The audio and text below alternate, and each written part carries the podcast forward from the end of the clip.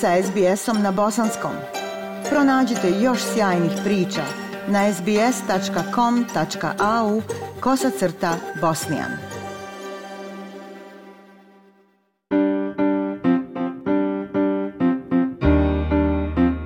Slušate program SBS radija na bosanskom jeziku. U narednim minutama govorimo o poštivanju ljudskih prava u Australiji. Sve veći broj smrtnih slučajeva u pritvoru, uslovi u zatvorima i pritvorskim centrima te vladina neaktivnost po pitanju klimatskih promjena označeni su kao najhitniji problemi ljudskih prava u Australiji. Svjetski izvještaj Human Rights Watcha za 2023. je 33. izvještaj ove svjetske nevladine organizacije koja razmatra praksu ljudskih prava u skoro stotinu zemalja. Prilog Eme Calloway. U Australiji se krše ljudska prava. 2022. pojavila su se uznemirujuća otkrića u vezi sa uslovima u zatvorskom sistemu Australije vlada u zapadnoj Australiji odbila instalirati klima uređaj u stambenim ćelijama u regionalnom zatvoru Robon, iako su temperature dostigle rekordnih 50,5 stepeni, što predstavlja značajan rizik po zdravlje zatvorenika. 90% zatvorske populacije u Robonu su pripadnici prvih naroda. Cheryl Axelby je kopredsjedavajuća organizacije Change the Record, koalicije pravnih, zdravstvenih i stručnjaka za prevenciju nasilja u porodici predvođene prvim narodima. It's very frustrating, but most of all, Vrlo je frustrirajuće, ali najviše od svega boli pomisao da bismo zapravo mogli nešto učiniti kao društvo u ovoj zemlji. Treba nam vođstvo i potrebna nam je vlada koja će početi uzimati naše izvještaje i mnoge izvještaje s preporukama u kojima su jasno definisani putevi kojima vlade mogu ići.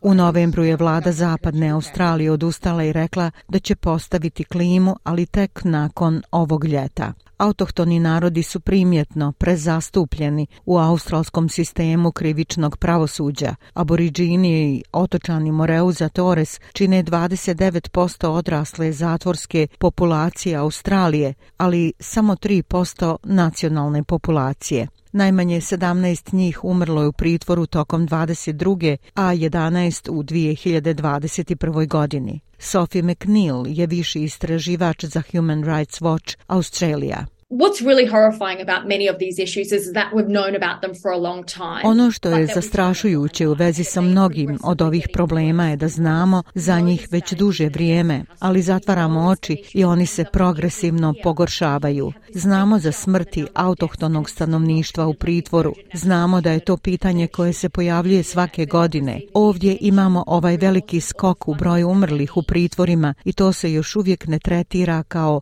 hitno nacionalno pitanje pitanje koje treba rješavati. Oni ne dobijaju pažnju, sredstva, niti poticaje koji su im potrebni. U Australiji je zakonska minimalna dob za krivičnu odgovornost 10 godina, što je niže od međunarodno prihvaćene starosti od 14 godina. Djeca starosjedilačkog stanovništva imaju 20 puta veću vjerovatnoću da će biti u zatvoru nego djeca koja nisu autohtonog porijekla. Procjenjuje se da je skoro 450 djece mlađe od 14 godina bilo zatvoreno u prošloj godini širom Australije.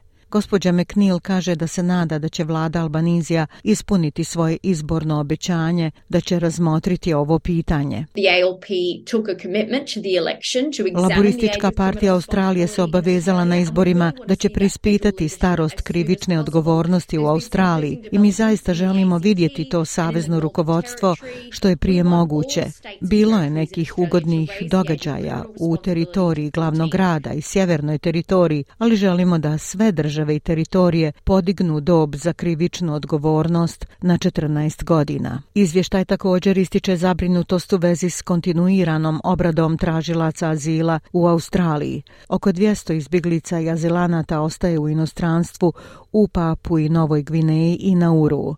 2013. Tanuš Selvarasa je pritvoren na ostrvu Manus u Papu i Novoj Gvineji, a zatim na drugom mjestu prije nego što je prebačen u upravi za imigraciju u Melbourneu prema australskom zakonu o medicinskoj evakuaciji. Izbjeglica iz Šrilanke potom je premješten u hotel Mantra u Melbourneu prije nego što je pušten u januaru 2021. Sada živi u Sidneju sa privremenom zaštitnom vizom na šest mjeseci. Obnavljao ju je tri puta od puštanja na slobodu i još uvijek nema izgleda da se nastani u Australiji.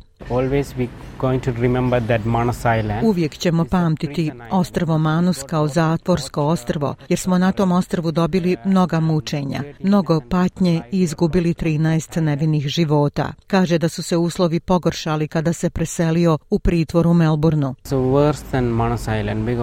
Bilo je gore od ostrva Manus jer su me zatvorili u hotelsku sobu. Ta hotelska soba nije imala pristup svježem vazduhu ni sunčevoj svjetlosti. To je mala soba iz koje ne ideš nigdje.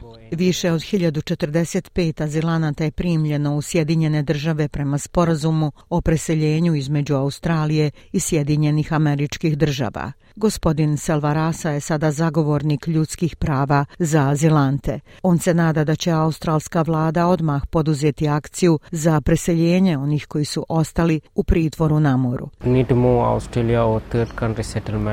Treba nam više naseljavanja u Australiju ili u treće zemlje, što prije, ali mnogi od njih uništeni su psihički i fizički, moraju se odmah prebaciti ovdje radi liječenja. Laboristička vlada se obavezala da će obrađivati zahtjeve i izvan zemlje. Kritikovan je tretman demonstranata zbog klimatskih promjena. U izvještaju se tvrdi da je vlada Novog Južnog Velsa prekršila međunarodno pravo nametanjem novih zakona i kazni posebno usmjerenih na klimatske demonstrante nakon što je vlada te države usvojila zakone prema kojima bi optuženi mogli biti osuđeni na dvije godine zatvora i velike novčane kazne, to jest 22.000 dolara. Sophie McNeil kaže da novi zakoni protiv demonstranata u Viktoriji i Tasmaniji također predviđaju stroge kazne za nenasilne proteste. Vidjeli smo nečuvene kazne izrečene mirnim demonstrantima, do 15 mjeseci zatvora, 8 mjeseci bez uvjetnog otpusta. Ovo šalje užasnu poruku našem regionu kada pokušavamo hrabriti zemlje u Aziji u kojima vidimo porast autoritarizma da pravedno tretiraju opozicione demonstrante i mirne disidente, a ovdje u Australiji mirne demonstrante šaljemo u zatvor. Osim toga, u izvještaju se tvrdi da savezna vlada nije ispunila obaveze Australije prema međunarodnom zakonu o ljudskim pravima da spriječi daljnju predvidivu štetu povezanu s klimatskom krizom. Gospođa McNeil kaže da iako je Australija poduzela korake za smanjenje domaćih emisija stakleničkih plinova, potrebno je učiniti više na smanjenju izvoza nafte i plina. Australija je još uvijek treći po veličini svjetski izvoznik fosilnih goriva. Vlada Albanizija ne može biti klimatski šampion ako nastavi dozvoljavati otvaranje novih projekata nafte i gasa. Želimo da vlada hitno okonča sve nove projekte vezane za fosilna goriva i brzi prelazak sa fosilnih goriva. Human Rights Watch kaže da kredibilitet Australije kao globalnog lidera demokratije i ljudskih prava u regiji znači da ona mora hitno riješiti svoje nedostatke u pogledu ostvarivanja istih. Ja sam Aisha Hadži Ahmetović. Ostanite uz program SBS radija na bosanskom jeziku. SBS na bosanskom. Podijelite naše priče preko Facebooka. Želite poslušati još ovakvih priča?